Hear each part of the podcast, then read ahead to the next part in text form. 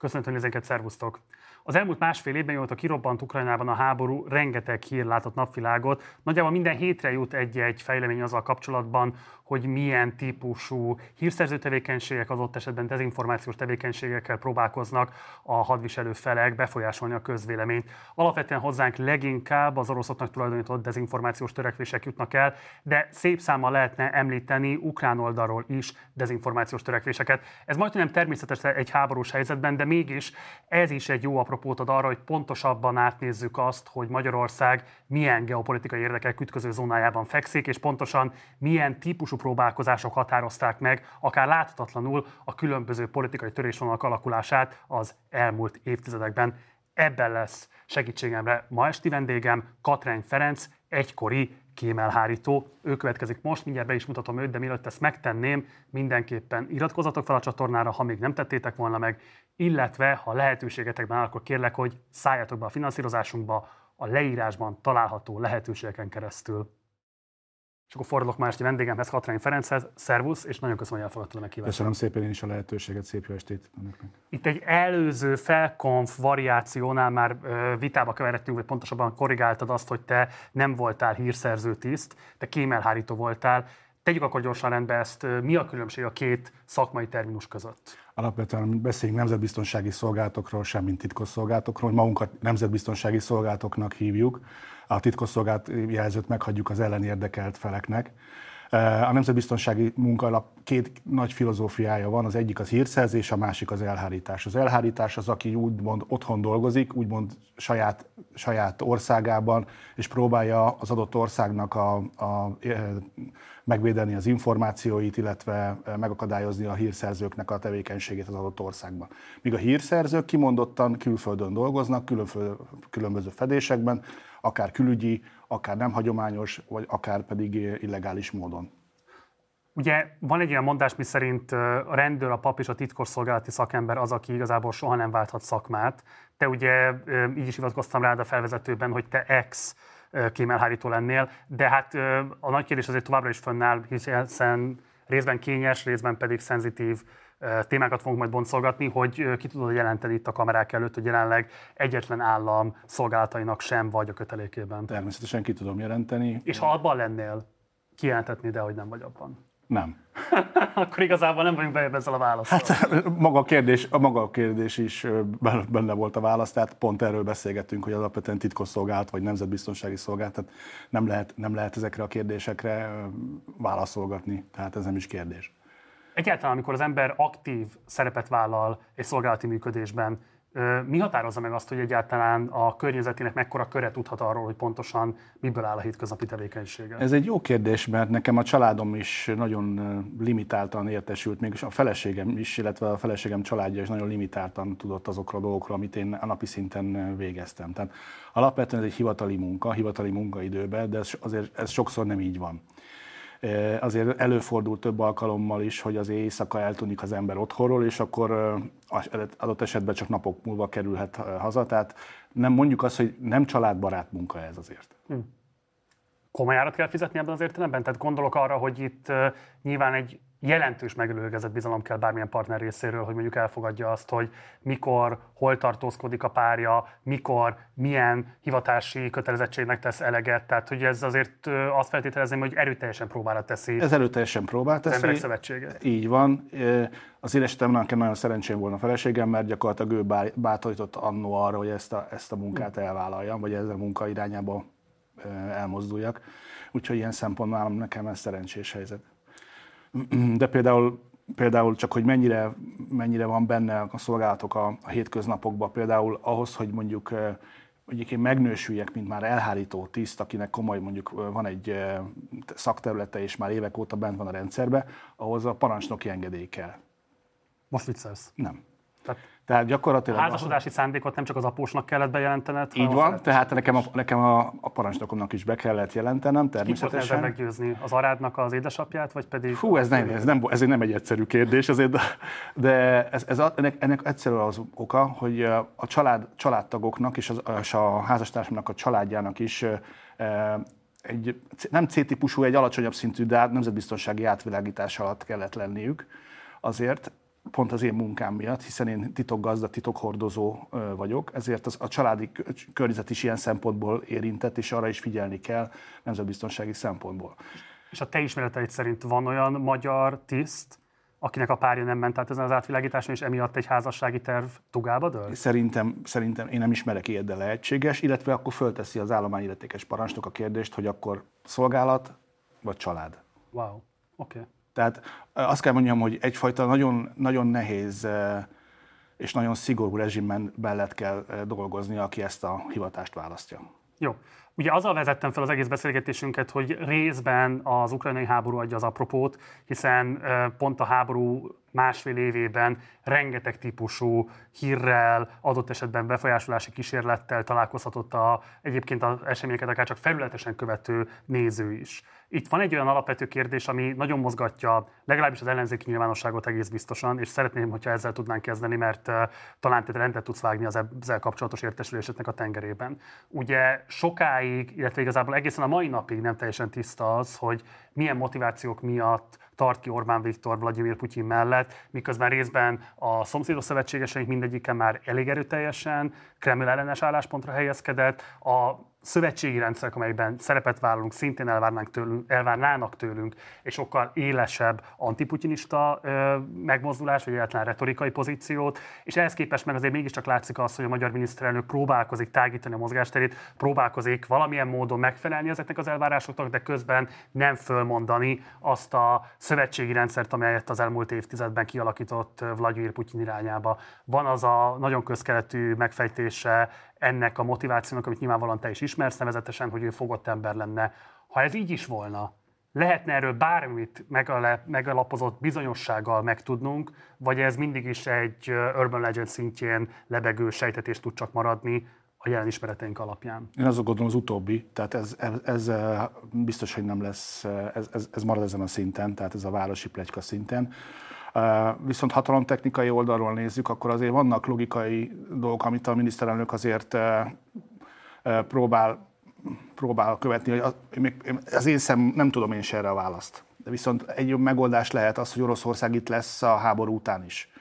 Nem tudom, mennyire Putyinnal vagy az orosz vezetéssel van ő inkább a Kremlel van kapcsolatban, de, vagy, de az biztos, hogy valamilyen módon velük kezdeni kell valamit. Tehát ez szerintem egyetlen logikus válasz, hogy miért, miért próbáljuk kitartani. Az én ízlésemnek is sokkal jobban megfelelne, a szakmai ízlésemnek is, de ez most az én privát véleményem, hogyha egy sokkal komolyabb, markánsabb fellépést tennénk az orosz szolgálatok felé irányába, vagy ellenébe.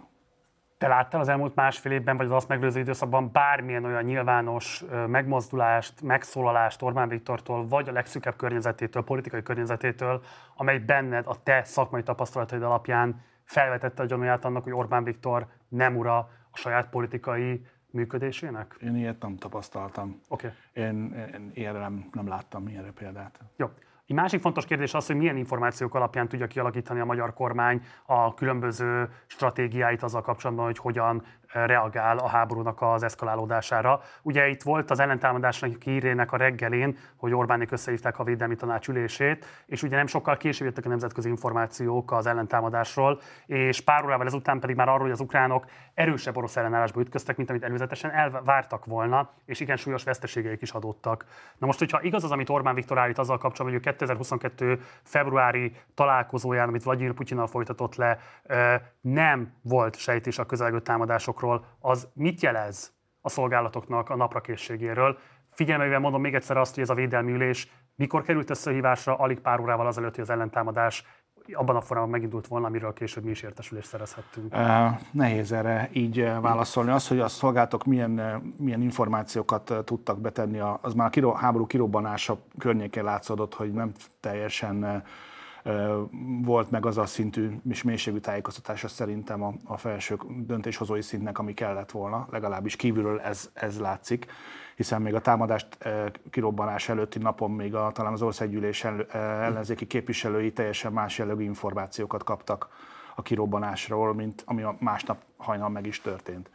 De egyébként, ha egy picit térjünk arra vissza, hogy, hogy itt ez egy érdekes kommunikációs csata zajlott már a háború kirobbanása előtt, hiszen a, a picit új, újszerű módon az amerikai fél és az angol száz szolgálatok folyamatosan tolták azt az információt, hogy, az, hogy háború lesz, és folyamatosan nyomták ki azokat a konkrétumokat, ami ők alapján erre következtetnek.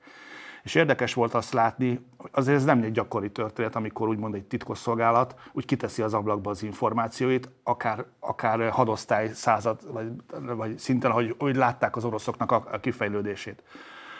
Azért ez nem egy gyakori dolog.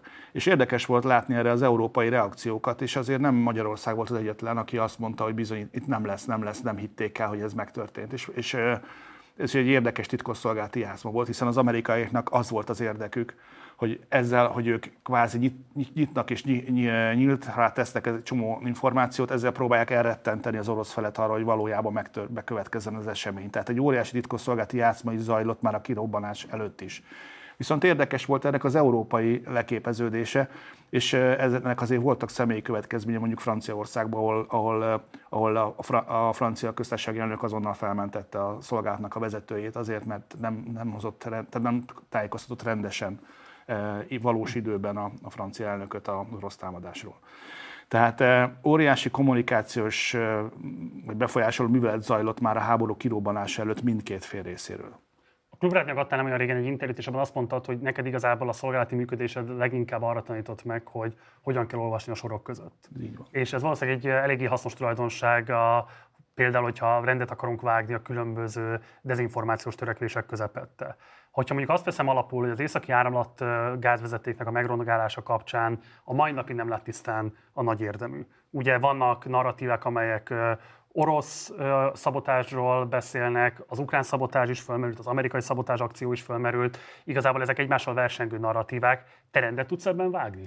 Nem tudok rendet vágni, és igazából ez, azt gyanítom, ez nem is nagyon fog kiderülni. Tehát a valós információ, tehát nem, ez nem fog kiderülni, de azt is látni kell, hogy azért körülbelül szerintem 5 vagy 6 szereplő van a, világon, akik ezt a, ezt a eseményt, ezt a cselekményt végre tudták hajtani. Azért 80-100 méter mélyen levinni 80-100 kg robbanójogot és azt fölrobbantani, azt gondolom olyan technológia és olyan tudásbázis, amit, ami egy kezében meg tudom számolni azokat az országokat, akik ezt meg tudják csinálni.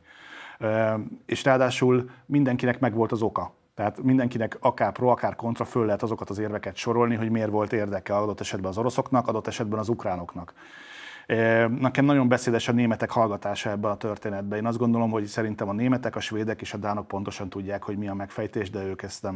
nem de miért? Miért nem? Tehát bocsáss meg, ez egy nagyon fontos kérdés. Ugye az, hogy az oroszok miért nem tanúsítanak nagyobb proaktivitást abban, hogy tisztázzák ennek az egésznek a hátterét, az részben érthető, hiszen nagyjából eddig is ez volt a viselkedésük ezekkel a típusú akciókkal szemben. De azt, hogy a nyugati szövetségesek miért nem feszülnek meg abban, hogy megnyugtatóan tisztázzák az egész robbantásnak a hátterét, abban milyen motivációk lehet? Szerintem a, mondjuk az a motiváció fenntartása, de tényleg spekuláció, az, hogy nem akarnak, nem akarnak a szövetségi rendszeren belül új repedéseket találni, tehát, vagy felerősíteni, ami egyébként az oroszoknak az alapvető célja, akár ezzel az, ezzel az eseménnyel is. Tehát e, úgy vannak vele, hogy ha bármi olyan van, nem, nem éri meg, most, hogy, hogy megtudni adott esetben, vagy nem éri meg ezt nyilvánosságra hozni, hogy, és ebből, ebből adódó politikai viharokat kezelni, ha egyáltalán tudnák kezelni, mint hogy, mint hogy, mint hogy nem, hozzák nyilvánosságra. De ezzel a magatartással nem azt a vélekedést erősítik meg, hogy igenis van takargatni valójuk, és hogyha ebben bármilyen módon is a közvélemény megerősítve lesz, hogy igenis adott esetben sarasak lehetnek ők maguk is, az nem az orosz állam érdekeit fogja közép-hosszú távon mégiscsak erősíteni és szolgálni? Hát mindenképpen, de azt gondolom, hogy erre nekik meg gondolom megvan a menetrendjük, hogy hogyan próbálják ezt majd kommunikációval kezelni. Tehát most attól függetlenül nem tudom, hogy ki, ki hajtotta végre, és szerintem mond, mondom, nagyon kevesen tudhatják ezt, de, de biztos vagyok benne, hogy páran már, már tudják az eredményt. De nem bizt, én nem vagyok benne biztos, hogy ezt a közvélemény valaha meg fogja tudni. A te ismereteid alapján milyen formában lehet tájékozódni egyáltalán Ukrajnának a hadászati lehetőségeiről, győzelmi esélyeiről? Tehát te például hogyan szűröd ki a különböző propaganda híradásokból azt az információt, amire alapozva tényleg lehet véleményt formálni arra vonatkozóan, hogy most hol tart például az ellentámadás? Én nem vagyok katonai szakértő, ennek nem vagyok szakértő, hogy hol tart az ellentámadás, meg pontosan milyen lehetőségeik vannak. Viszont azt, azt amit én látok és, és következtetek, hogy gyakorlatilag mi, mi lesz mondjuk két-három-öt év múlva. És én azt gondolom, és titkosszolgálatoknak, nemzetbiztonsági szolgálatoknak az a feladata, hogy egyfajta előrevetítést mutassanak, hogy mi várható. Tehát nem bekövetkezett, hanem hogy körülbelül mire lehet számítani. És én azt gondolom, hogy az ukrán hadsereg Európa legerősebb hadserege lesz három-öt éven belül. Egyik, egy, egyrészt technikailag megkapják minden top kategóriát, ami létezik, másrészt harceljárási jogilag, hiszen ők le is próbálják, és nem is akárki ellen próbálták ki ezeket a technológiákat és harceljárásokat, hanem, tehát nem afgán ellenállók ellen, hanem az orosz hadsereg ellen. Tehát olyan, mennyiség, olyan minőség és mennyiségű tudás és technika halmozódik föl most Ukrajnába, ami az alapján azt gondolom, hogy az ukrán hadsereg a egyik legerősebb lesz a, a közé, már pár éven belül. És ez ugyanez vonatkozik az ukrán szolgálatokra is, azt gondolom. 13 évig szolgáltál, ugye, ezt lehet tudni a különböző veled készült korábbi interjúból. Nyugodtan is hogy a hülyeséget mondok, de ugye te korábban a Nemzetbiztonsági Hivatalnál kezdtél, aztán abból lett Alkotmányvédelmi Hivatal, és itt voltál műveleti főigazgató, tehát egy elég magas igazgató. szintre jutottál. Igazgató. Műveleti igazgató. Jó, ugye ez azt jelenti, hogy legalább öt kormány ideje alatt voltál a szolgálatoknál.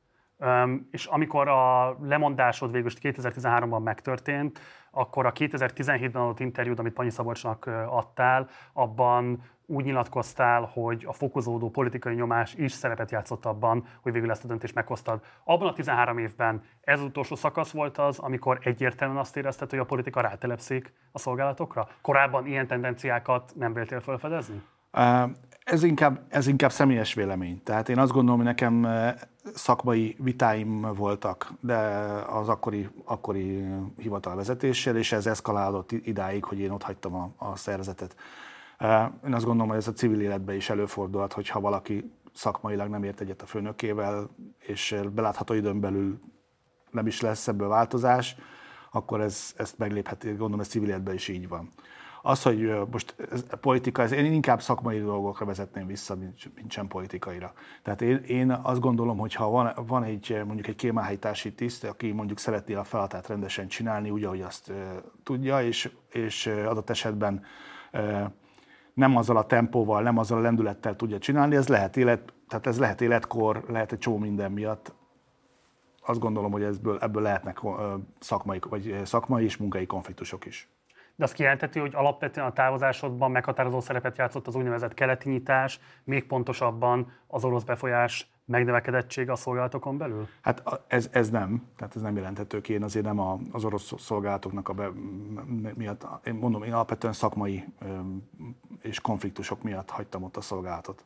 De ebben nem játszott szerepet az, hogy a szolgálatoknak milyen típusú megrendelései érkezhettek a politikától, akár Oroszországgal, akár más típusú állami szolgálatokkal kapcsolatosan? Nem, nem. nem.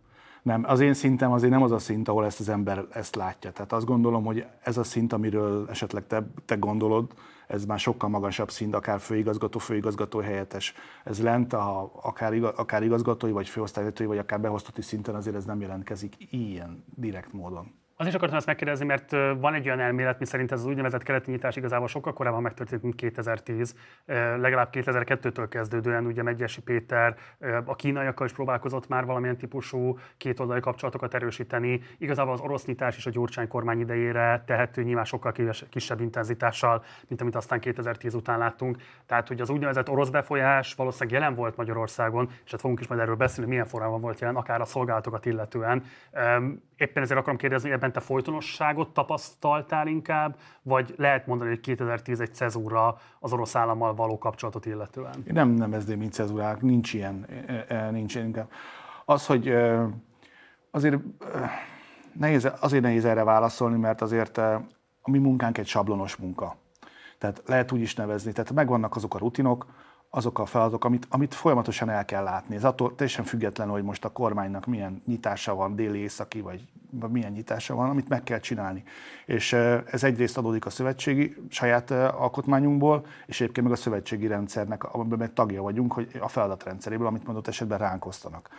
Tehát uh, itt sose úgy gondolkozzunk, mint hogy magyar, nem csak magyar szolgálat létezik így önálló létezőként, főleg egy kémelhelytásban, nagy Isten egy terrorelhárításban, hanem szövetségi rendszeren belül kell nekünk mozognunk, együtt másokkal. Tehát az, ez, ez, az, az ad egy stabilitást a szolgálatoknak is egyébként, hogy körülbelül tolig meddig lehet, milyen határok között lehet mozogni. Nyilván a politika nem segít ebben abban, hogyha mondjuk olyan nyilatkozatokat tesz, amit utána a főigazgató egy szűk körű megbeszélésen fölkérdezik, mert föl fogják kérdezni, az biztos vagyok benne, és akkor valamit majd mondani kell, de vála, el kell élesen választani a szakmait, meg a politikát. Uh-huh. Tehát ezt, ezt, ezt el kell élesen választani, és, és inkább a szakmai vonalat képviseljük ebben, vagy képviseltem ebben. A V-Square nevű nemzetközi oknyomozó csapatnak volt egy olyan cikke, hogy a tavaly február 24-i ukrajnai háború megindulása után több mint 400 diplomata fedésben dolgozó orosz hírszerzőt utasítottak ki Európa orosz nagykövetségeiről, ugye Magyarországról egyet sem. És azt is lehet tudni, hogy a Bajza utcai orosz követségen jelenleg 42 orosz diplomata dolgozik, és ez összességében több, mint az összes többi V4 országokban található diplomata, ugye csak hogy a összehasonlítás kedvéért Pozsonyban 15 ilyen ember szolgál, Varsóban 12, Prágában 6, még egyszer Magyarországon 42. Azt is lehet tudni, az Oroszországi Föderáció Budapesti Nagykövetségének teljes dolgozói létszáma technikai és adminisztratív személyzettel együtt kb. 115 fő. Mit lehet ezekből az adatokból kiolvasni? Hát nem jó az optikája, semmiféleképpen. Mondjuk, ha nagyon finoman akarok fogalmazni, akkor... És nem finoman? Szöve, szövetség, ezt nem, nem finoman, mert nem fogok fogalmazni. Tehát én azt gondolom, hogy lenne itt, lenne itt feladat, elsősorban, ez ezek a részek, ami, ami mondjuk sokkal, az én ízlésem, a véleményem szerint sokkal markásabban föl kéne lépni, hiszen azt gondolom, hogy ezeknek a diplomatáknak, a, amelyik adott esetben titkosszolgálati vonalon tevékenykednek, nem is feltétlenül Magyarország ellen dolgoznak. Tehát azért az, az jellemző adott esetben, hogy, hogy ők régióban gondolkoznak ők is, és akár a balkáni, akár, a, akár mondjuk csehországi vagy lengyel irányba dolgoznának. Tehát nem véletlenül azért itt van feszültség adott esetben a politika és a kormányok között is, mondjuk a EU-s irányba, mert, mert ezt, ezt szerintem azért érzik a többi, többi kollégák is. Ferenc, orosz kémfészek Budapest az Európai Unió és a nato belül? Hát erre nem tudok válaszolni, orosz kémfészek. Mit jelent az, hogy kémfészek? Elképzelhető az, hogy Budapestről dolgoznak más országok irányába? Én biztos vagyok benne, hogy dolgoznak. De, de, de budapesti tartózkodással? Azért de, ez nagyon más, én, mint az, hogy mondjuk én, én azt gondol... az Európai Unió területén itt is ott is megfordulnak. Ja, de ez természetes is. Tehát eddig is ezt csinálták, ebben semmi új nincsen. Itt, itt most azért ne, ne lep, ez nem a háború, ez eddig is így volt. De ez csak orosz specifikus? Nem orosz specifikus. minden nagykövetségen szolgálnak ez, ilyen típusú Ez így van, ez egy bevett rutin, ez, ne, nem, ez, ez teljesen normális hírszerzői attitűd. Tehát mondjuk ezt akkor inkább így. Uh-huh. Ennek, ez, ez, ez egy, ezzel nincsen nem újdonság. Tehát ez eddig is így működött. Az, hogy, az, hogy itt a nagy változás annyiba történt, hogy háború kirobbanása után a többi ország kőkeményen fellépett. És és kiutasítások történtek. De kiutasítás lehet nyíltan, mint ahogy általában a többi ország, de lehet csendes kiutasítást is csinálni, amikor egyszerűen csak megkérik a nagykövetség vezetőjét, a nagykövetet, hogy őt, őt, őt, őt is rendeljék haza, mert. Tehát ennek több módja is van. Viszont erre mindig tükörválasz fog érkezni, tehát ami azt jelenti, az orosz fél ezt azonnal meg fogja torolni, ha most orosz relációba beszélünk, akkor ők a, az ottani, mondjuk a magyar külképviseletlen Moszkvába fognak ugyanezt a tükörválaszt meglépni. Lehet, hogy ezt, ezt, ezt próbálják meg elkerülni adott esetben. Mi a nemzetközi szolgálati protokoll, ha egyáltalán létezik ilyesmi? Tehát ezt minden ország saját hatáskörében intézi, hogy a követségén, külképviseletén milyen összetételben dolgoznak munkatársak, hány hírszerzőt foglalkoztatnak, és így tovább. Vagy ebben a nemzeti kormánynak igenis van beleszólása. Tehát az a kérdés igazából, hogy fölteti a kezét a kormány, és azt mondhatja, hogy nekik ebben semmilyen belefolyásuk és hozzászólásuk nincsen, vagy pedig igenis volna mit tenniük adott esetben azért, hogy pontosabb képen rendelkezzenek az Orosz Föderáció külképviseletén dolgozók létszámát illetően. A, a kérdésre válasz, ez, ez teljesen nemzeti hatáskör, nemzetbiztonsági szolgálatokról beszélünk. Tehát pont ez, ebb, ha ebbe kicsit végig gondoljuk, és így tovább megyünk, akkor ezért nehézkesnek találom mondjuk egy európai titkosszolgálatok összehozását. Uh-huh. Mert ez annyira specifikus és annyira nemzeti legérzékeny dolog, hogy ez nem nagyon látom, hogy itt európai közös szolgálatot össze lehessen hogy gyúrni hasonló rendezőelvek mellé, mint mondjuk egy nemzetit. Szerintem újsághír olvasóként, de egyébként újságíróként aztán meg pláne nagyon nehezen értelmezhető az, hogy miközben egyre másra lehet hallani azt, hogy különböző európai országokban milyen dezinformációs tevékenységet tulajdonítanak orosz hírszerzőknek, titkosszolgálati munkatársaknak és így tovább. Közben nem látszik az, hogy lenne bármilyen szintű európai vagy pláne euróatlanti fellépés azzal kapcsolatban, hogy keményebben odalépjenek az ilyen típusú tevékenységeknek. Miért tűnik ennyire impotensnek úgy az európai, mint az euróatlanti ö, szervezetek mindegyike, államok mindegyike azzal kapcsolatban, hogy érdemi lépéseket tegyenek az ilyen tevékenységek korlátozására? Ezt most egy impotens, mennyire nem, nem impotens, de azt gondolom pont, pont ebben is van a válasz, hogy mivel, mivel szövetségi rendszer, sok kormány, sok, sok saját nemzeti érdek, ez nem ugyanaz, mint amikor egy, egy ország egy, egy nemzeti érdekkel. Tehát ezért van az, hogy mondjuk az Egyesült Államok sokkal hatékonyabban tud fellépni akár egy ilyen befolyásolási kampányjal, vagy akár az oroszok sokkal, vagy akár kínaiak, mert ők nyilván jó felfogott érdekek mentén dolgoznak. Tehát ezért, pont ezért, mivel úgymond elaprozódó kisebb országokról beszélünk, saját, mindenkinek a saját nemzeti hagyományaival, ezért ez így, mint EU-s fellépés, nehezebb, nehezebb összehangolni. Békédőben még ezt a típusú diplomáciai uh, helyezkedést meg is tudom érteni, de amikor háborús helyzet van, akkor hogy lehetséges az, hogy Franciaországban nemzeti tömörülés kapcsán pontosan tudjuk azt, hogy orosz pénzügyi támogatásból is működtek. Olaszországból tudjuk, hogy a kisebbi kormánypártokat adó, ugye Matteo Salvini és Silvio Berlusconi Putyin barátságátval azt nem kell tagadni, pontosan tudjuk, hogy miről van szó, de hát a korábbi kormány bukását is orosz befolyásolási kísérletnek is tudják tulajdonítani. Spanyolország esetében is lehetne ilyen típusú kapcsolatokat végigmondani, és akkor hosszan-hosszan tudnám még sorolni ezeket a példákat. Magyarországról ne is beszéljünk már. Szóval ezzel kapcsolatban, hogy nincs még mindig egy attraktívabb európai föllépés? Szerintem ez, ez időkérdése. Tehát, eh, Másfél éve vagyunk a háború kirobbanása. Igen, de az, az Európai Uniónak szerintem van egy késleltetett tehetetlensége, és, eh, és ahogy a szankciók jönnek egymás után, előbb-utóbb ide is el fognak érni.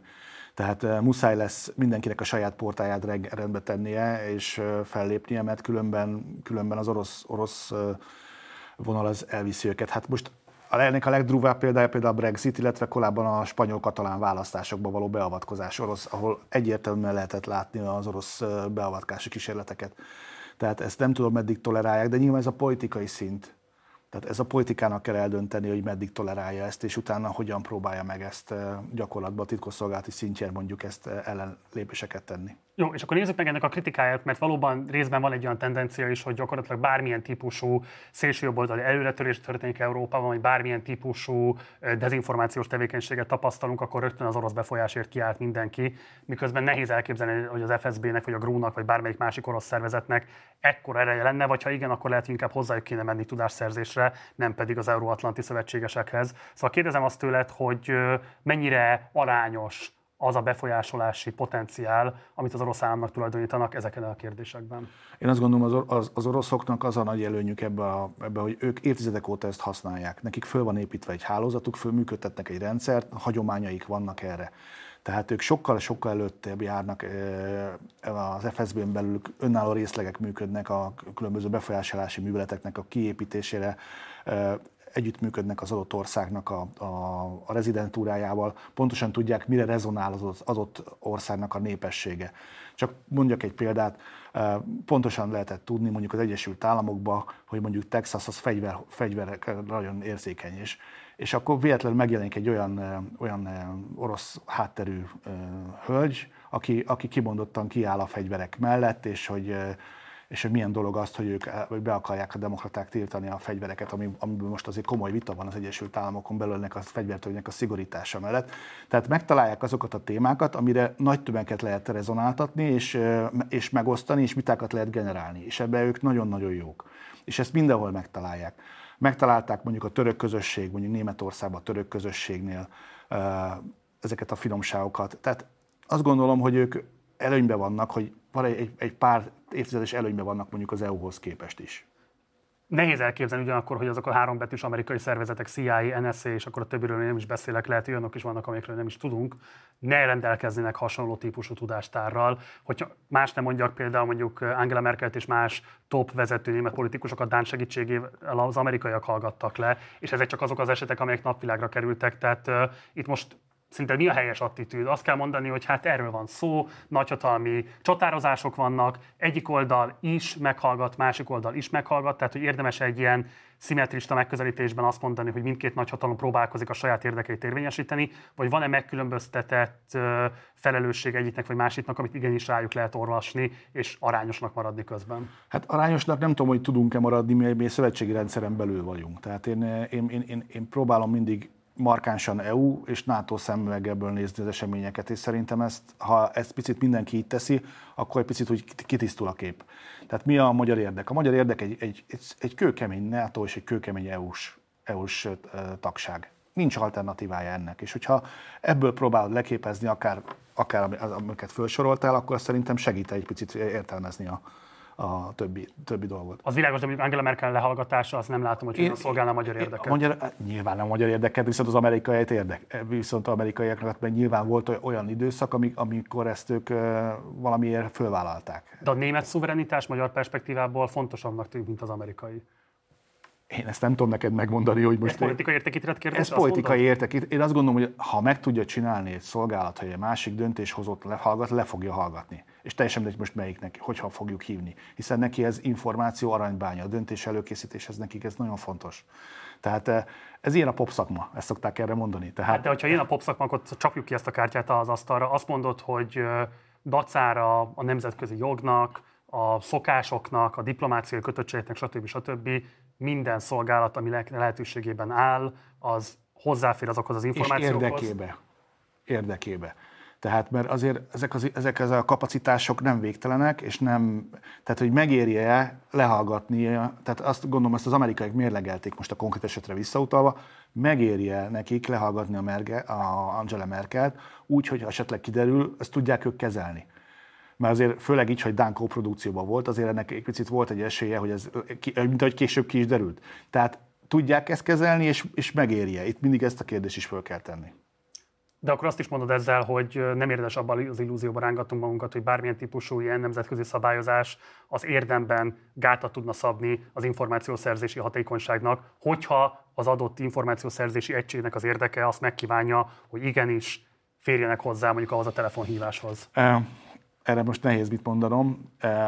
Ezt, ezt, nyilván ezt az jogszabályok azért jogszabályi keretek között kell, hogy dolgozzanak a szolgálatok, ami számon kérhető és elszámoltatható. Tehát ezek, ezek ilyen alapelvek. Nyilván vannak olyan elnöki rendeletek, amik mondjuk kiskapukat adnak ennek a, vagy adtak erre a, erre a műveletre. Ezt én nem tudom megmondani. Szinte reális esély vannak, hogy Orbánnak a telefonbeszélgetéseit lehallgatják az amerikaiak? Ezt nem, tudom, ezt nem tudom megmondani, de hogyha megtehetik, szerintem akkor meg fogják tenni, mint ahogy az oroszok is. Ha meg tudják tenni, meg fogják tenni. Nyilván erre a magyar, magyar szerveknek kell odafigyelni, és, ők, és az ő védelmét meg kell szervezni, hogy ez ne történhessen meg. Érdekel, hogy szerinted nagyságrendileg mekkora összegeket mozgathat az orosz hírszerzés annak érdekében, hogy Európában aktív maradjon. Ugye az amerikai külügytavai közlése szerint Moszkva 2014 óta 300 millió dollárt költött el világszerte, nem csak Európában, a célországok politikájának a befolyásolására. Nekem ez eléggé alacsony összegnek tűnik, ugye ez mai áron alig, hát nem tudom, 100 milliárd forint nagyjából, ez azt jelenti, hogy évente mennyi, 11 néhány milliárd forint. Szerintem a Fidesz többet költ meg a fonra egy évben, mint az orosz állam ilyen szempontból a befolyásolására a különböző véleménynyilvánosságoknak. Szerinted komoly, hogy ennyi pénzből mindarra futja, amiről tudunk, trollfarmoktól kezdve, választások befolyásolásán keresztül, konkrét pártok és mozgalmak finanszírozásán? Szerintem nem. Szerintem ez, én itt is azt gondolom, hogy már vannak olyan orosz fedővállalkozók, fedőcégek, vagy, vagy de hívjuk nagy koncernek, ne is fedőknek, akik adott esetben finanszírozzák ezeket a tevékenységeket. Én azt gondolom, hogy ez, ez bőven nem erről beszélünk, so, sokkal nagyobb összegekről lehetnek itt, itt a háttérben szó. Nagyságrendileg nem mondjuk... Nem tudom, meg nem, nem Kétszer tudok. ekkora, ötször ekkora, nem tudok, ekkora? Nem tudok válaszolni, ezt, ezt, ezt én nem tudom megmondani, de hogy a képességű oldalukról azt gondolom, hogy sokkal nagyobb összegekről lehet itt szó, mint amit itt elmondtál. Akkor másként kérdezem tőled, ha te lennél az FSB vezetője, csak játszunk a gondolat egy pillanatra, megmondom milyen szempontból.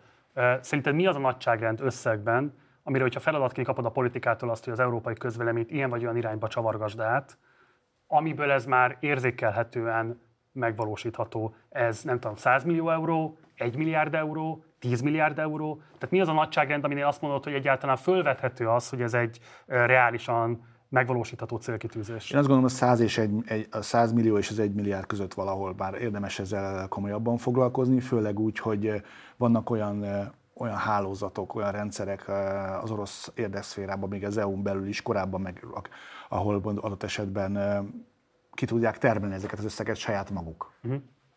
Ugye beszéltünk most már az amerikai, illetve az orosz aktivitásokról is. Magyarországon milyen más államok szolgálatai aktívak még?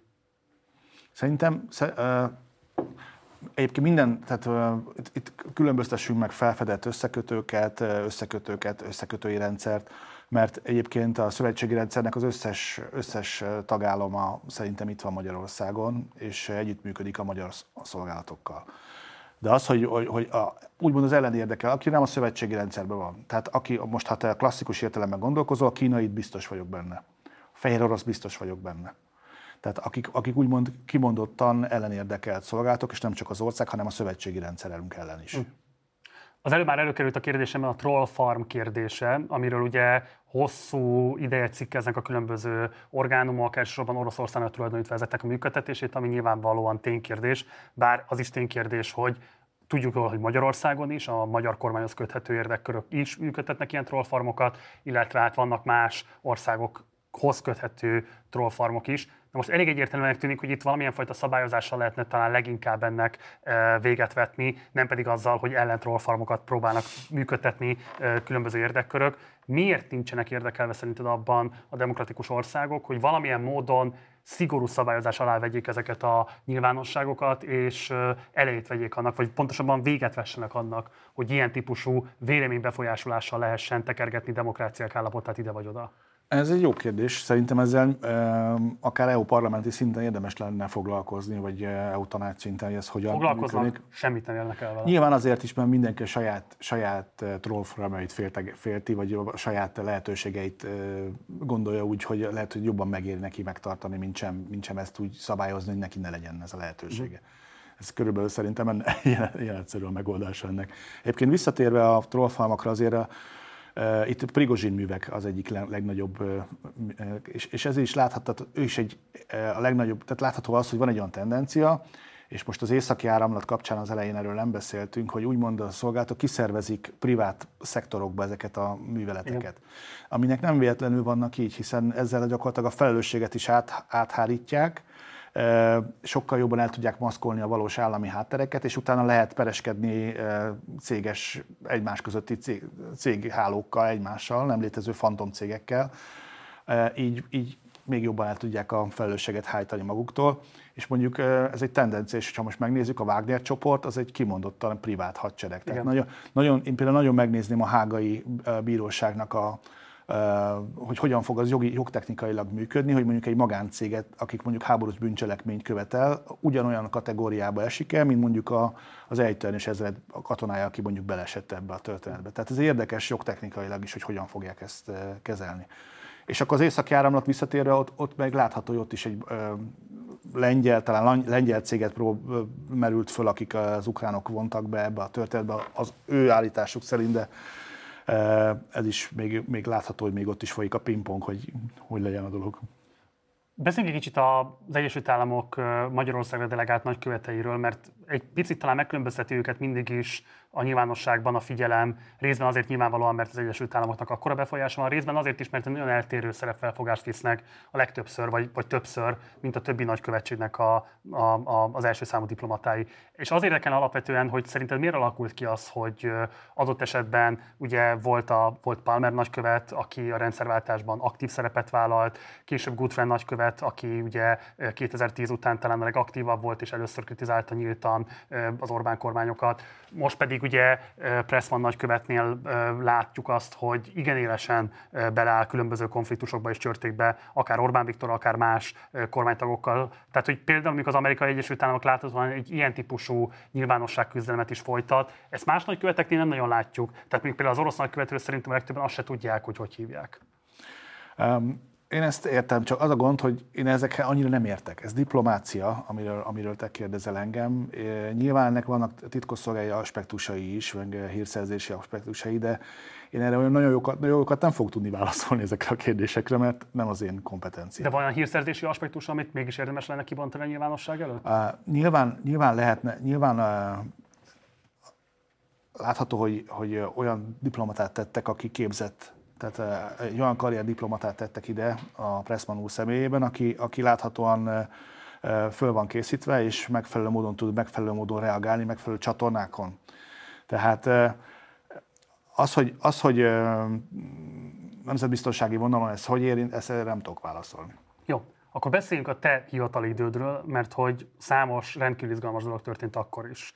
Hagy kezdem azzal az egy másért, egy másért alapítványjal, ami talán az egyik legizgalmasabb ilyen típusú összefonódásokat leplezte le. Ugye itt arról van szó, hogy egykori, illetve aktív titkosszolgálati vezetők, köztük például Nagy Lajos és Galambos Lajos korábbi főigazgatók kurátorként szerepet vállaltak földi, Földesi Szabó László ex által vezetett alapítvány működésében, ami azért alapvetően csempészettel és vámorgazdasággal foglalkozott, vagy ezzel híresült el a nyilvánosságban. Mit lehet tudni például egy ilyen alapítványnak mi volt a valódi célja, még inkább, hogy lehetséges az, hogy vezetők a szolgálatoknál szerepet vállalnak egy ilyen alapítvány működésében? Hát, e, igazából ami, ami, ami a probléma volt, itt a fed, mi, mi a fedővállalkozások. Tehát itt e, azért a titkosszolgálatnak egyik, egyik bevett módszere, hogy fedőcégeket alkalmaz, ez nem magyar specifikum, ezt mindenki csinálja az egész világon. Ami azt jelenti, hogy olyan cégeket hoznak létre, amelynek a hátterén, vagy a, annak a mesdjén különböző hírszerzési pozíciókat építenek ki, akár, akár otthon, akár külföldön ebben az időszakban ez az, ez az alapítványi rendszer volt valamiért becsípődve, ezt csinálták, de gyanítom, hogy azért megvannak a titkosszolgálati háttere, hogy miért, miért építették föl. Abba viszont nem nagyon félnek bele a, a különböző bűncselekmények, akár, akár navos, akár bármilyen bűncselekmények, hiszen egy fedővállalkozásnak az a célja, hogy úgy működjön, hogy a többi szerv előtt is kiállja a próbát. Tehát egy, egy, egy fedővállalkozás nem bukhat meg NAV ellenőrzésen, nem bukhat meg eh, bármilyen, eh, hiszen az, azért fedő cég, hogy végig a háttérben maradva eh, egy nemzetbiztonsági szerv tudja végezni a hátteres munkáját, akár még egy ellenőrzés alatt vagy mentén is. Tehát ezekre nem nagyon tudok válaszolni, hogy konkrétan mi az a, mi az, az ok, amiért volt szolgálatok vezetőkre beszálltak, erre ezt én nem tudom, de maga az eszköz, meg maga a módszer az egy létező és valid történet, maga a fedő cégeknek az alkalmazása is. Itt is valami hasonló volt az elején hivatkozása a védelemnek, azt hiszem. És az bevett dolog, hogy egy fedőcég, azt feltételezem, hogy tényleg fontos szempontja az, hogy ne legyen leleplezhető, tehát, hogy egy fedőcégben, egy fedő non-profit szervezetben a legmagasabb szintről vállalnak szerepet kurátorként egykori szolgálati vezetők? Hát szerintem nem. Tehát én azt gondolom, hogy szakmailag ez vállalhatatlan. Én szempontból ez vállalhatatlan, vagy nem, nem, is, nem is én nem is próbálkoznék, hiszen gyakorlatilag ezzel egyből ki is pontozom a saját fedőcégemet. Uh-huh. Tehát ez nem is értelmezhetetlen az én szempontomból. Tehát akkor kvázi megerősíted azt a vélekedést, ami azt mondja, hogy itt fedőcégként szerették volna láttatni ezt a vállalkozást, de ennek valójában magánérdekek szolgálata Én gyanítom, volt a gyanítom igen, és az ítéletek is így talán ilyen irányba születtek annó. Beszéljünk egy picit az UDZRT-ről, mert bár régen volt, de szerintem fontos szempontokat vetett fel a nyilvánosságban. Ugye ez volt az a, az árnyék titkosszolgálat, ami gyakorlatilag a Fideszhez köthető módon szerzett információkat vállalati vezetőkről, konkurens pártokról, ugye egyszer konkrétan tudjuk is azt, hogy feladatában kapta azt, hogy egy konkurens pártnál, az MDF-nél az elnökválasztás kérdését befolyásolja. Amikor a tudomásotokra jut az, hogy van egy ilyen, hát azért feltehetően illegálisan működő, vagy legalábbis a legális lehetőségeket igen szabadosan értelmező cég, akkor mit tud tenni igazából a szolgálat? Egyáltalában ezt, ha a politika nem hagyja jóvá, képesek vagytok felszámolni, képesek voltatok felszámolni? Szóval igazából hogyan reagáltok egy ilyen kihívásra? Azért megvan, a, megvan ennek a, a privát szektorban is, hogy hogyan működnek, és ott is megvannak azok az etikai jogi szabályok, hogy, hogy mondjuk egy, egy, egy magánnyomozó cégnek, vagy egy konzulting cégnek működnie kell, és milyen keretek között. Nyilván nem terjeszkedhet túl azon, amit, amit nekik a jogszabályok megengednek. Tehát lehet, így, lehet ilyen cikk akaszgatni, hogy árnyék titkosszolgált, de, de alapvetően ezeknek egy normál biztonsági cégekként kell működniük a maguk átláthatósága mentén. Ez az UDZ ez megint egy olyan politikai ügy volt, amire a szolgálatokat el lehetett, el lehetett, be lehetett rángatni, meg is tették oda-vissza. Tehát pont azok az a, ezek az ügyek azok, ami, amik, amikor, amikor a szolgálatok így a, a, kikerülnek a kirakatba, de alapvetően, alapvetően nem ez a normális működésük. Tehát a politika szereti rángatni. Én azt remélem, és egyébként azért is kért, vagy tudtunk erről beszélgetni, hogy azt remélem, hogy egyszer lesz egy politikai deal, hogy a nemzetbiztonsági szolgálatokat ne rángassák se jobbra, se balra, hanem, hanem hosszú távon tudjanak dolgozni. A szolgálatok akkor tudnak rendesen dolgozni, akkor érünk el egy orvos, egy, egy amerikai, egy kínai színvonalat adott esetben, hogyha mondjuk 5-10-15 éven perspektívikus gondolkodás mellett tud építkezni egy szolgálat. Ez a 2010 utáni időszakban sincs így? Az, az, hogy hány, az, akkor vissza tudod nézni, hogy hány botrány volt az elmúlt időszakban, és, és mindig találsz. Tehát azért ez periódikusan felmerül, és, és, és ez nem jó, az nem tesz jót a szolgálatoknak. Tehát a szolgálatok e, alapvetően egy preventív, megelőző jellegű feladatot látnak el, tehát gyakorlatilag mondjuk úgy csak gömböl jósolnak, tehát nekünk egy olyan az a feladatunk, hogy azt mondjuk, hogy mi, mi várható a következő 5-10 év múlva. Viszont ez olyan képességeknek kell lennünk, ahol, ahol, ahol sokkal nehezebb, sokkal nehezebb kiépíteni, mint, mondjuk egy rendőri munkát. Tehát azért óriási különbség van egy rendőri munka, vagy egy titkosszolgálati munka között. Hm. Most egy picit messzire jutottunk a két... Nem, ezt ki, ez, ez, ez uh, hangzik. Mert, mert az a maga a rendőri munka, amikor az esemény bekövetkezik, onnan indul a rendőrség. Nyilván van egy megelőző, egy bűncselekmény megelőző része is a rendőri feladatoknak. De a titkosszolgálatok előtte dolgoznak. A titkosszolgálatoknak az a feladata, hogy egy jövőbeni eseményre ne is következhessen be, adott esetben mondjuk egy terrorcselekményre gondolunk, tehát az a feladat olyan preventív, hogy az eszköz, az elkövető és a szándék, ez a hármas mondjuk ne állhasson össze. Tehát nekünk olyan műveleteket kell szerveznünk, hogy ez ne történhessen meg egyrészt, másrészt pedig e, picit gömböl jós lesz, annyi információt összeszednünk, mondjuk egy adott témába, hogy megfelelő módon tudjuk e, információval támogatni a mindenkori kormányzatot ne legyenek kétségek, ez egy kormányzati szerv, egy kormányzati döntés előkészítésnek egyik fő bázisának kell lenni a szolgálatoknak, akik megfelelő valós időben valós információkat tudnak bejutatni a, döntéshozóknak, és ez alapján ők tudnak jól, jól döntéseket hozni. Tehát alapvetően a szolgálatoknak ez lenne a nagy feladata. Na most, hogyha állandóan az mindenféle botrányokkal, és a közvélemény csak azt látja, hogy mindig következő botrány, következő botrány, akkor pont ezeket a képességeket ássuk alá, és szüntetjük meg, ami, ami alapvetően az alapfunkciót kér, adná az egész szolgáltató rendszereknek. A te hivatali idődben volt olyan életellenes cselekmény, amelyet sikerült megakadályoznatok szolgálati eszközökkel? Uh, erre nehéz válaszolni, mert, mert szerintem igen mert, mert, mert hát nehéz válaszolni, de most így, így gondol, szerintem volt ilyen, volt ilyen esemény, de nem fogom elmondani, hogy Nyilván nem mondhatod el. Meg, de, de volt ilyen. Volt olyan, amit nem sikerült, olyan is volt, e, és hát most azért, azért azt, azt az ember magával viszi azokat az eseményeket, ahol nem sikerül. Ugye nyilvánvalóan itt a legélesebben a romák elleni rasszista sorozatgyilkosság ügye merülhet föl, Kijelenthető a te tudomásod alapján, hogy mondjuk a rendszerváltás óta eltelt időszaknak ez a legsúlyosabb mulasztása a szolgálatok részéről, hogy ebben nem sikerült. Egyébként úgy is, hogy sokszor a látókörében voltak az elkövetők vagy elkövetők köthető személyek, szóval ebben nem sikerült preventíve föllépni? Hát ezt azért, igen, azt gondolom, hogy az életellenes bűncselekmények az, amikor, amikor, amikor az ember szembesül sokkal direktebb módon az ő munkájával, munkájával vagy következményével, vagy a hiányosságaival és ez például ez így ilyen lehetett. Az én szempontomból, az én megélésem alapján én azt gondolom, hogy igen, de ez az én magán és szakmai véleményem. Hát ez az fontos. Én ezt, de én ezt, én ezt, én azt már az első pillanatban föl, fölvállaltam, hogy, hogy nyilván lehet, lehet úgy csinálni a munkát, de viszont ez mindig benne van.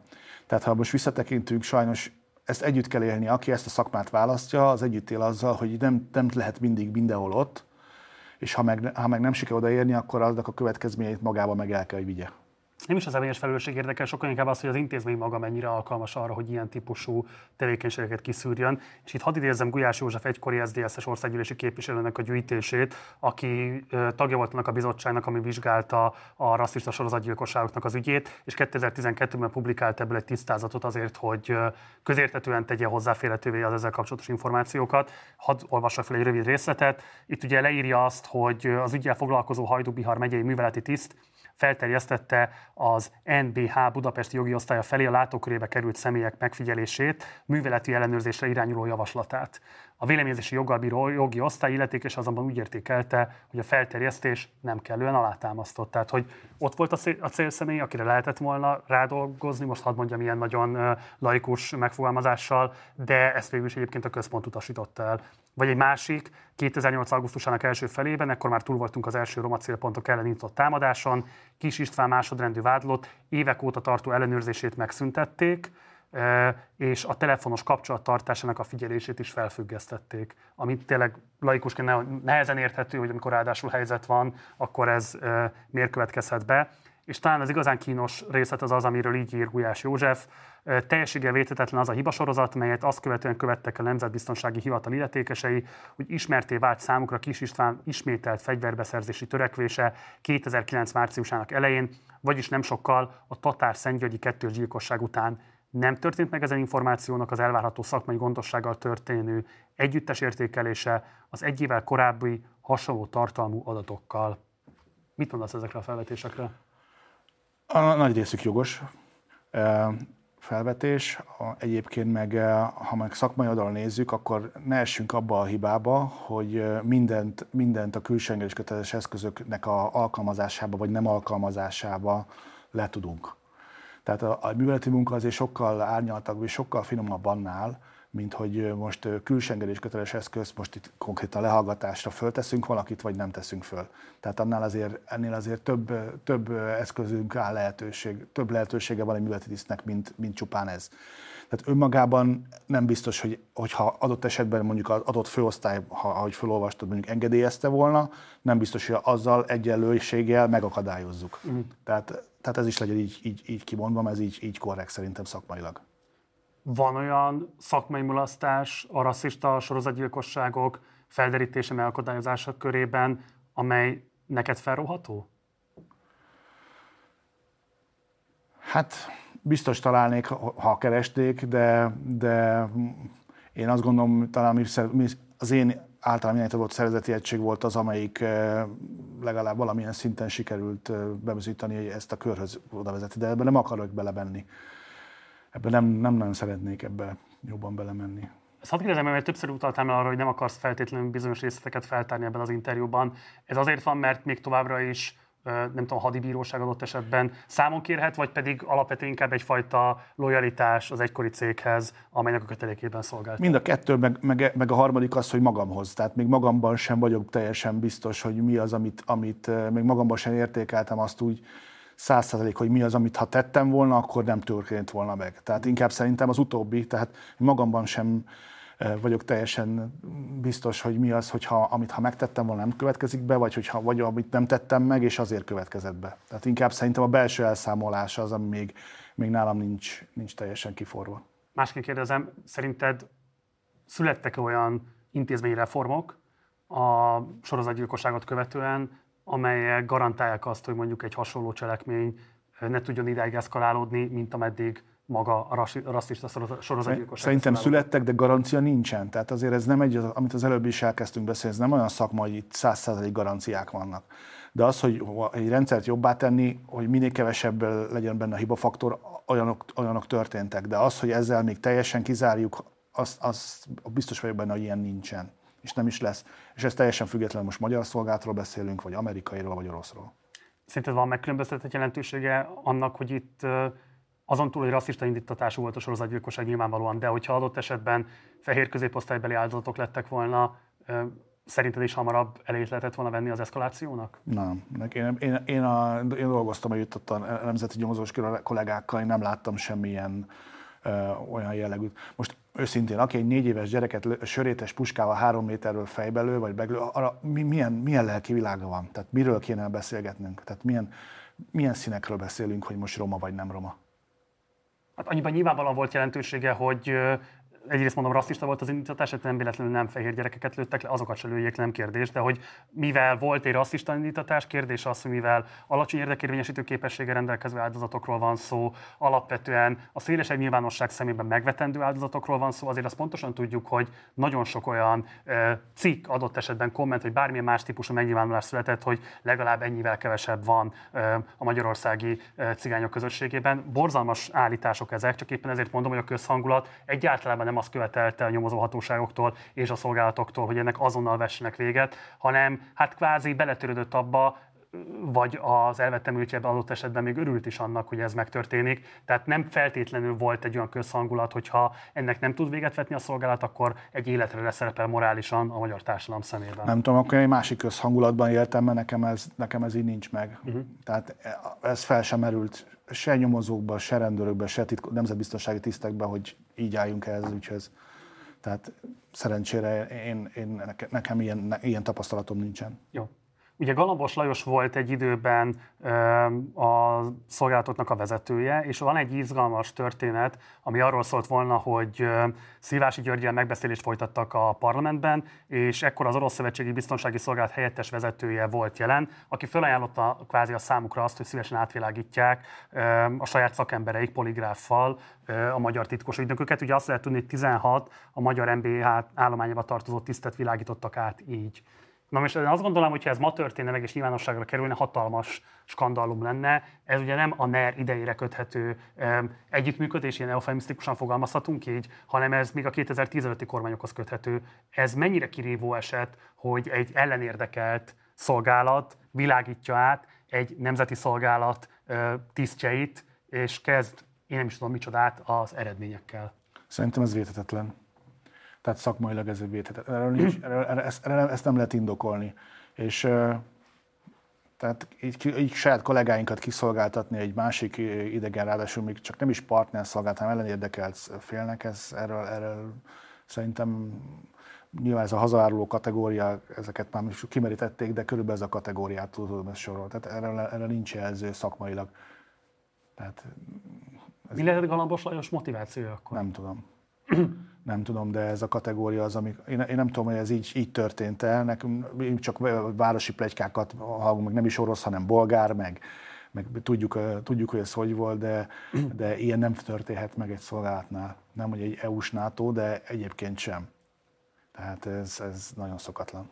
És akkor azok a hírek, amiket kapunk, hogy a különböző szövetségi rendszerekben milyen ferdeszemmel tekintenek Magyarországra. Az hát ez egy, jó, ez, egy jó, ez egy jó oka Ugye ez, ez, ez, ez, ez, nem ekkor indult meg korábbról hát, datálhatóan? Hát azért ez, ez egy jó alapot adott, adott, adott esetleg annak, hogyha mondjuk az, a szolgálatok, többi szolgálat, mondjuk akik egyébként pont, pont azt csinálták, mint a csehek, vagy mondjuk az észtek, akkor gyakorlatilag teljesen elküldték a, a rendszer változott az összes állományt, tehát gyakorlatilag letisztították úgymond az előző rendszernek a, a tisztikarát, és újraépítették, és nulláról fiatal tisztekkel azt fölvállalva, hogy négy-öt éven, négy, négy éven keresztül átjáró ház mondjuk az országuk, csak azért, hogy ezt úgymond ezt a orosz befolyást teljesen, kockátát teljesen minimalizálják.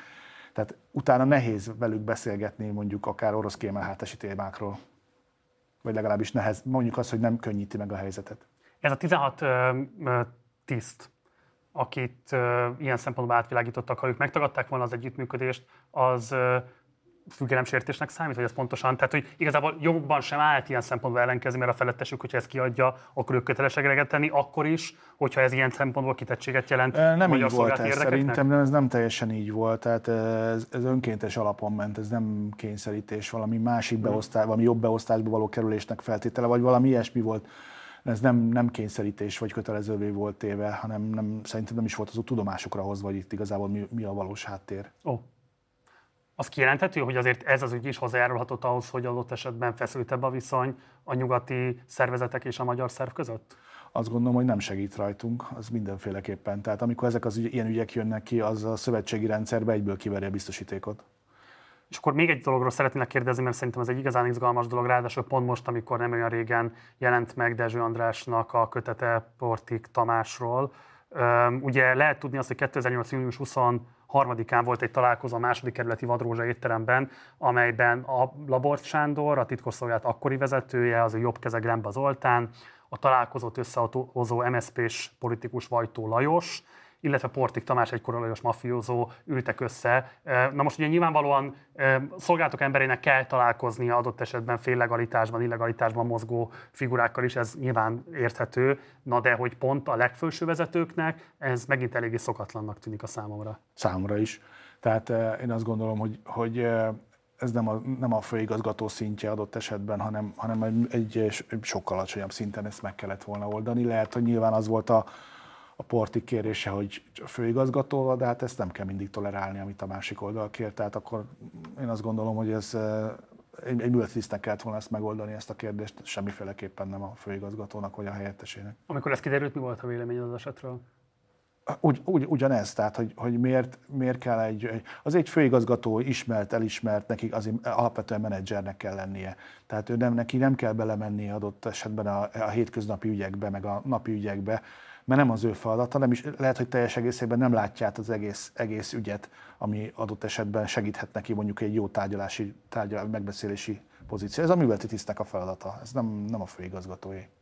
Azt jól mondom, hogy amikor te még aktív voltál, akkor a szűkebb szakterületed az a politikai extremitások tárgykörében volt sorolható. Extrémizmus, terrorelhárítás és a végének kiebehárítása is foglalkoztam. Tehát terror, de igazából mondjuk, ami a kedvenc, ha meg lehet ilyet mondani, én az a terrorelhárítás volt a kedvencem. Tehát én a, az Alkaidával és az Alkaida Magrebivel foglalkoztam, annak lettem igazából a, a, akkor a szakértője. Hm a magyarországi extrémizmusokat mennyiben volt alkalmat vizsgálni? Gondolok itt mondjuk például arra, hogy pont a roma sorozatgyilkossággal párhuzamosan emelkedett fel az akkori Jobbik. Ugye a Magyar Gárda is akkoriban erősödött meg, például akár a Jobbikot, akár a Magyar Gárdát ilyen szempontból extremista szervezetnek tekintettétek el?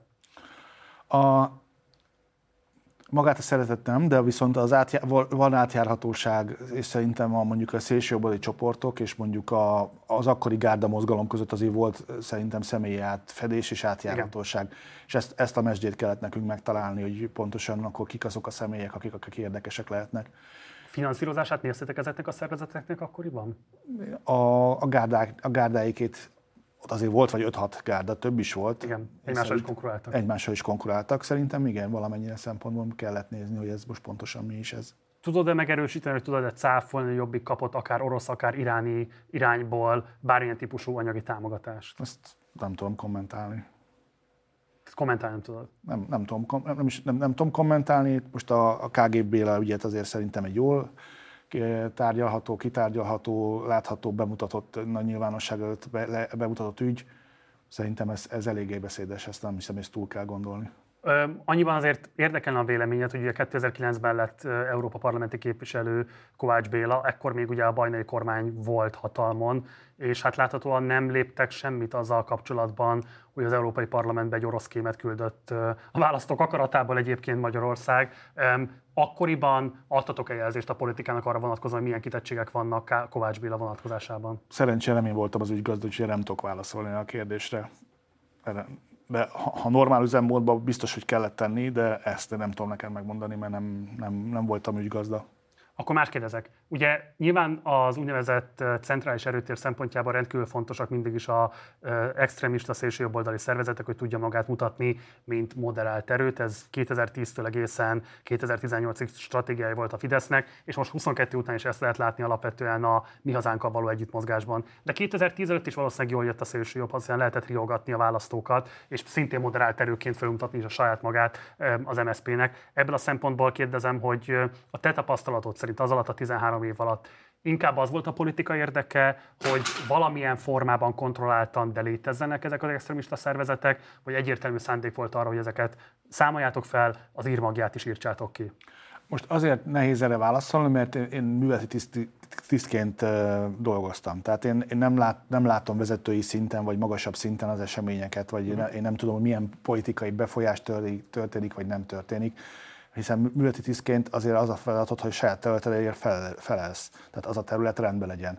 És mi mi csináltuk a dolgunkat. Tehát uh-huh az, hogy most a, a, a Blood and Honor vér és becsület adott esetben eh, fehér, emlékünk a kará, fehér karácsonyokra, Igen. ezekre a történetekre, tehát eh, azért a szolgálatoknak van feladata, meg volt is feladata mindig is. És nem csak a magyar szolgálatoknak, hiszen ezek a, ezek a csoportok nem magyar specifikumok, hanem EU-s szinten, és mondjuk német szolgálatokkal közösen kóprodukcióba. Hm. Tehát bizony van feladata ebbe a szolgálatoknak. Az, hogy, az, hogy most a politika mennyire hagyja vagy nem hagyja, hát eh, nekünk, nekünk, mint műveleti tiszteknek lent csinálni kell a bányába a feladatunkat, mi, az, mi ezt nem tudjuk meg el, el, el, eldönteni, meg nem is a mi dolgunk ezzel foglalkozni. Mennyire szokatlan, vagy pontosabban hogyan jellemezhető az a húzás, hogy a 2022-es választásokat követően igazából Rogán Antal minisztériumába tömörítették a szolgálatok mindegyikét. Erre van-e európai példa, hogy ilyen típusú átrendezést lépjenek meg? Egyáltalán ez szerinted milyen módon befolyásolja a politikának a direkt ráhatását a szolgálati működésre? Azért nem tudok válaszolni, mert az látható, hogy mint a forró krumplit dobálják a szolgálatokat. Tehát, ha most, mert, mert látható, hogy egy, egyrészt nem tudnak vele mit kezdeni, vagy legalábbis nem, nem, nem tudják azokat a képességeket szerintem kihasználni a politika, vagy egyáltalán egyrészt tart is tőle, másrészt meg nem tudja kihasználni azt a képességét, amit esetben egyébként tényleg lehetne, ez az én véleményem És, és azért láttuk a mindenféle modellt. Itt volt tárca nélküli miniszteri modell, amikor a kövér úr volt a, a tárca nélküli miniszter, utána volt már államtitkár, akkor a miniszterelnöki hivatalon belül is volt helyettes államtitkár, aki ezt tartozott a szocialista kormányba, most éppen a, előtte a belügyminisztériumban, ott volt egy akkor egy olyan törekvés, Igen. hogy talán, a, talán akkor legyen összefogva is a belügyminisztériumon belül. De megint fölmerül az a kérdés, amiről az előbb beszéltünk, hogy rendőri szemlélet vagy titkosszolgálati, nemzetbiztonsági szemlélet, a kettő üti egymást vagy sem, feloldható az ellentét vagy sem, és akkor most került ez a modell, hogy gyakorlatilag a Rogán úrhoz került a szolgálatok. Én ezt most nem tudom, ettől most nem ettől fog működni egy szolgálat jól vagy rosszul, vagy bármilyen módon. Én azt gondolom, hogy a polit, ilyen szempontból majdnem, hogy mindegy a szolgálatoknak. Én csak azért mondtam, hogy valami stabilitás legyen, valami, valami, valami nyugal, nyugalom, ami, ami alapján e, dolgozhatnak ők. Hát ez most nem tűnik prioritásnak. De, de olyan nem tűnik annak, hogy bizonyos szempontból én fel akarom vetni azt a kérdést is, hogy amíg még ott dolgoztál, azt a típusú társadalmi közbizalom megrendülést, ami a szolgáltatók a tevékenységét kíséri, azt mennyire érzékeltétek, és szerintem ez mennyire súlyos probléma? Tehát, hogy nyilván eleve titkosszolgálatokról beszélünk, vagy nemzetbiztonsági szolgálatokról beszélünk, nyilván valamilyen típusú konspiratív működésre eleve kódolva kell lennie, ez teljesen normális nyilván egyfajta gyanakvás kísérheti úgy a szélesebb nyilvánosság részéről. De azért azt gondolom, hogy az a típusú mértéke a szolgálatokkal szembeni bizalmatlanságnak, ami 2010 után erősödik föl, nyilván elsősorban és alapvetően az ellenzéki nyilvánosságban. Én nem ismerek olyan politikust, akinek ne lenne szent meggyőződés, hogy lehallgatják. Én nem ismerek olyan politikai aktivistát, akinek ne lenne szent meggyőződés, hogy lehallgatják. Ugye konkrétan tudunk is arról, hogy volt újságíró, akit próbáltak beszervezni, vagy próbáltak felvételekkel zsarolni, és akkor hosszan sorolhatnánk még azokat az Urban Legend legendeket, amiket most csak azért nem hozok ide, mert nem akarom a konteókat megerősíteni, de ettől még igenis van egy ilyen tendencia, hogy a szolgálatokkal kapcsolatban a politikai kitettség, még komolyabban a politikai szándékoknak az egyértelmű kiszolgálása az kvázi alapvetés. Ez szerinted hátráltatja a szolgálatok hatékony működését, vagy pedig része a szolgálatok szükségszerű működésének, és ez kvázi mindenhol így van a világban, nem kell ezen csodálkozni semmit. Nyilván egyébként azért is örültem ennek a beszélgetésnek, hogy azért azt is elmondhassuk, hogy azért alapvetően a szolgálatokban húsvér emberek dolgoznak, normális nyelvet tanuló, tanult, tehát nem ne a balókabátos ávosokból, vagy pedig a James Bondokból induljunk ki, akik egész nap smokingban ugrálnak a Aston Martinba. De akkor ki a jó filmes reprezentációja egyébként? Egyik sem. De, de van olyan egyáltalán? Uh, fú, Egyébként van, Netflixen van egy-két olyan sorozat, ami egyébként ami jól mutatja be a, mondjuk a CIA-nek a terrorelhártási részlegét. Azért vannak olyan jó filmek, mondjuk a Sakál napjában azért mondjuk vannak olyan filmek, amelyik jól mutatják be, hogy körülbelül milyen, a, milyen ez élet a szolgálatokon belül. Uh-huh. De egy, egyetértek veled ebbe, amit az előbb mondtál, és, és mondjuk én például nagyon hiányolom azt, ami, aminek azért már volt uh, iroda, vagy volt, volt korábban példája, hogy egy kicsit a szolgáltatóknak is nyitni kéne tehát olyan szempontból, hogy emlékszel, talán volt egy, egy évkönyv, tehát amikor a szolgálatok bemutatták, egyébként mi, mi a túrót csináltak ők az elmúlt egy évben, és ez egy jó alkalom lenne adott esetben az újságíróknak, meg a, meg a területének, hogy egyáltalán találkozzanak a, a főigazgatókkal, vagy a helyettesükkel, vagy a kommunikációs vezetőjükkel. Tehát, hogy legyen egy kommunikáció, hogy bemutassák a szolgálatok, hogy, hogy azért én értem én, hogy UDZ, meg értem én, hogy milyen botrányok vannak, de alapvetően egy normális működés mellett csinálják a, a dolgukat. Persze a botrányok mellett nyilván azok is, azok is hozzátartoznak, de hogy legyen egyfajta kommunikáció, egyfajta nyitás, ez, ez az én, én például az én véleményem szerint egy sokat segítene a szolgálatoknál. Sokat szoktak arról is beszélni, hogy mennyire gyengült, te is utaltál rá a bizalom a szövetségi rendszereken belül a magyarországi szolgálatok működésével kapcsolatban, és hogy ez egyre hogy kiélezettebb helyzeteket eredményez, de valójában tud-e annyira elmérgesedni a helyzet, hogy bármilyen szempontból is negligálják a magyar szolgálatoknak az információit, vagy adott esetben a magyar szolgálati tagokkal való együttműködést? Ez, erre van lehetőség, és volt is. Tehát azért konkrétan volt példa arra, amikor, ami, ami a legfontosabb a szolgálatoknak az információ biztonság.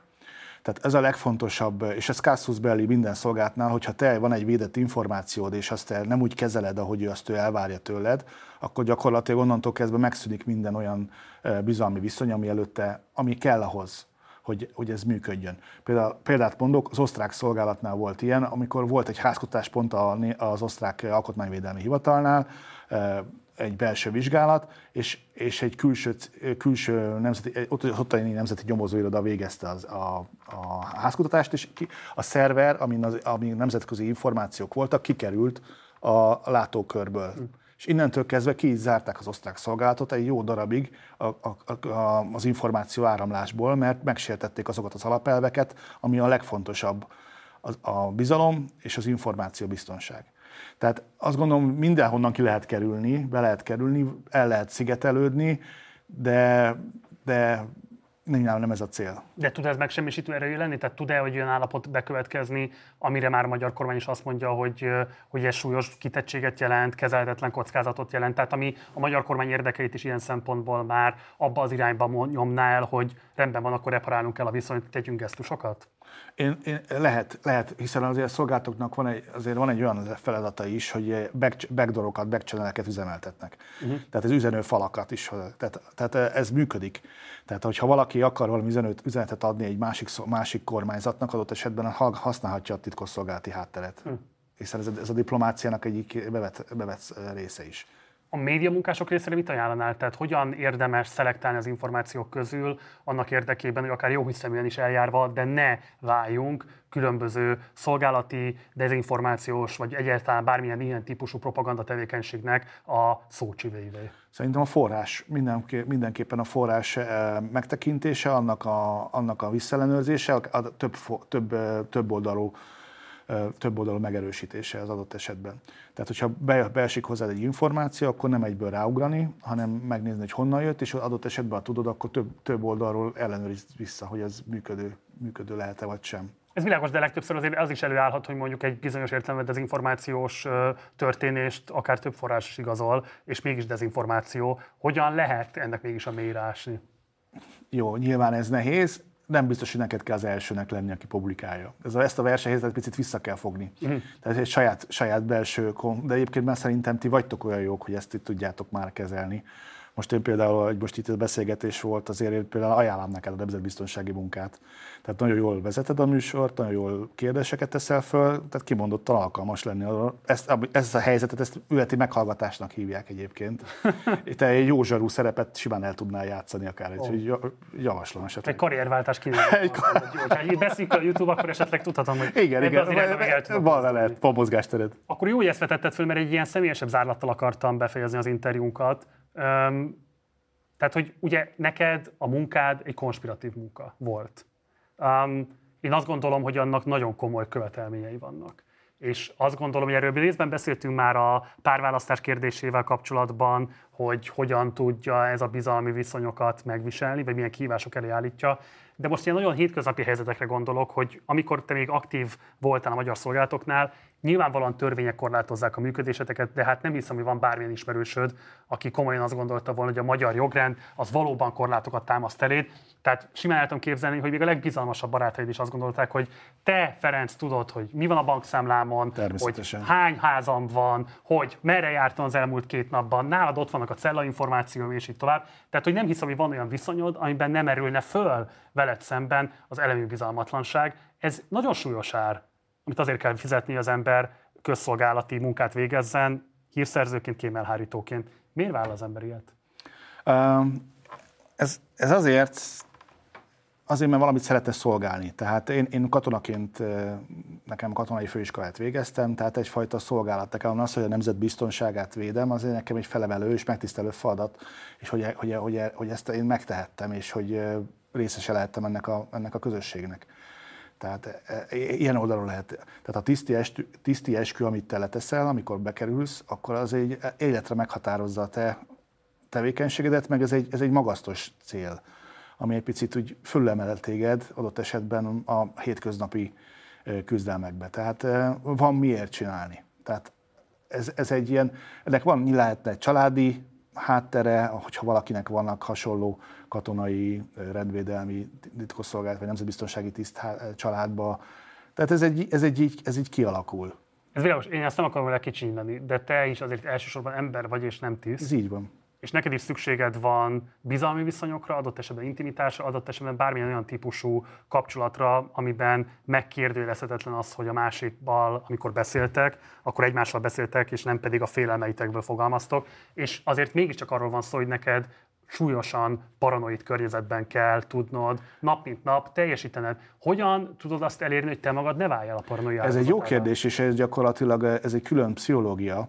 Tehát a, a, például a műveleti tiszteknek, mondjuk akik kint dolgoznak terepen, rendszeresen kell menni pszichológiai vizsgálatra.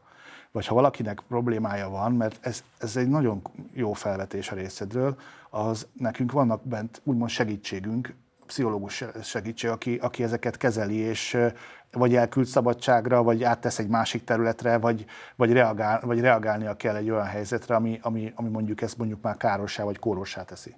Tehát ez egy nagyon jó felvetés a részedről. De lehet fenntartatóan együtt élni azzal a tudattal, hogy minden e-mailem, minden telefonhívásom, minden SMS-em, minden, nem tudom, kocsi mozgásom, az valahol, valakinél jelen van, valaki ebben a pillanatban is lehet, hogy éppen engem figyel meg, az is lehet, hogy többen egyszerre. Tehát, hogy hogyan lehet, lehet normalizálni ezt a típusú működést, anélkül, hogy az ember bele bolondul? Az, hogy egy normális életet élsz. Tehát, hogy, hogy nincsenek olyan, olyan, ami miatt neked aggódnod kéne, hogy ez most kiderül. Mindenkinek vannak titkai. Nyilván mindenkinek vannak, de, de nyilván ezt valamilyen szinten egyfajta személyiségi stabilitás vagy lelki stabilitás nyilván kell ehhez, hogy ezt a helyén tud kezelni. Illetve a másik az, hogy ha ben vagy a rendszer, pontosan tudod, hogy nem így működik. Mert pontosan tudod azt, hogy az, hogy én most egy lehallgassalak téged, az nekem ilyen engedély kell, olyan engedély kell, át kell mennem. Tehát, hogy az, az iszonyú meló.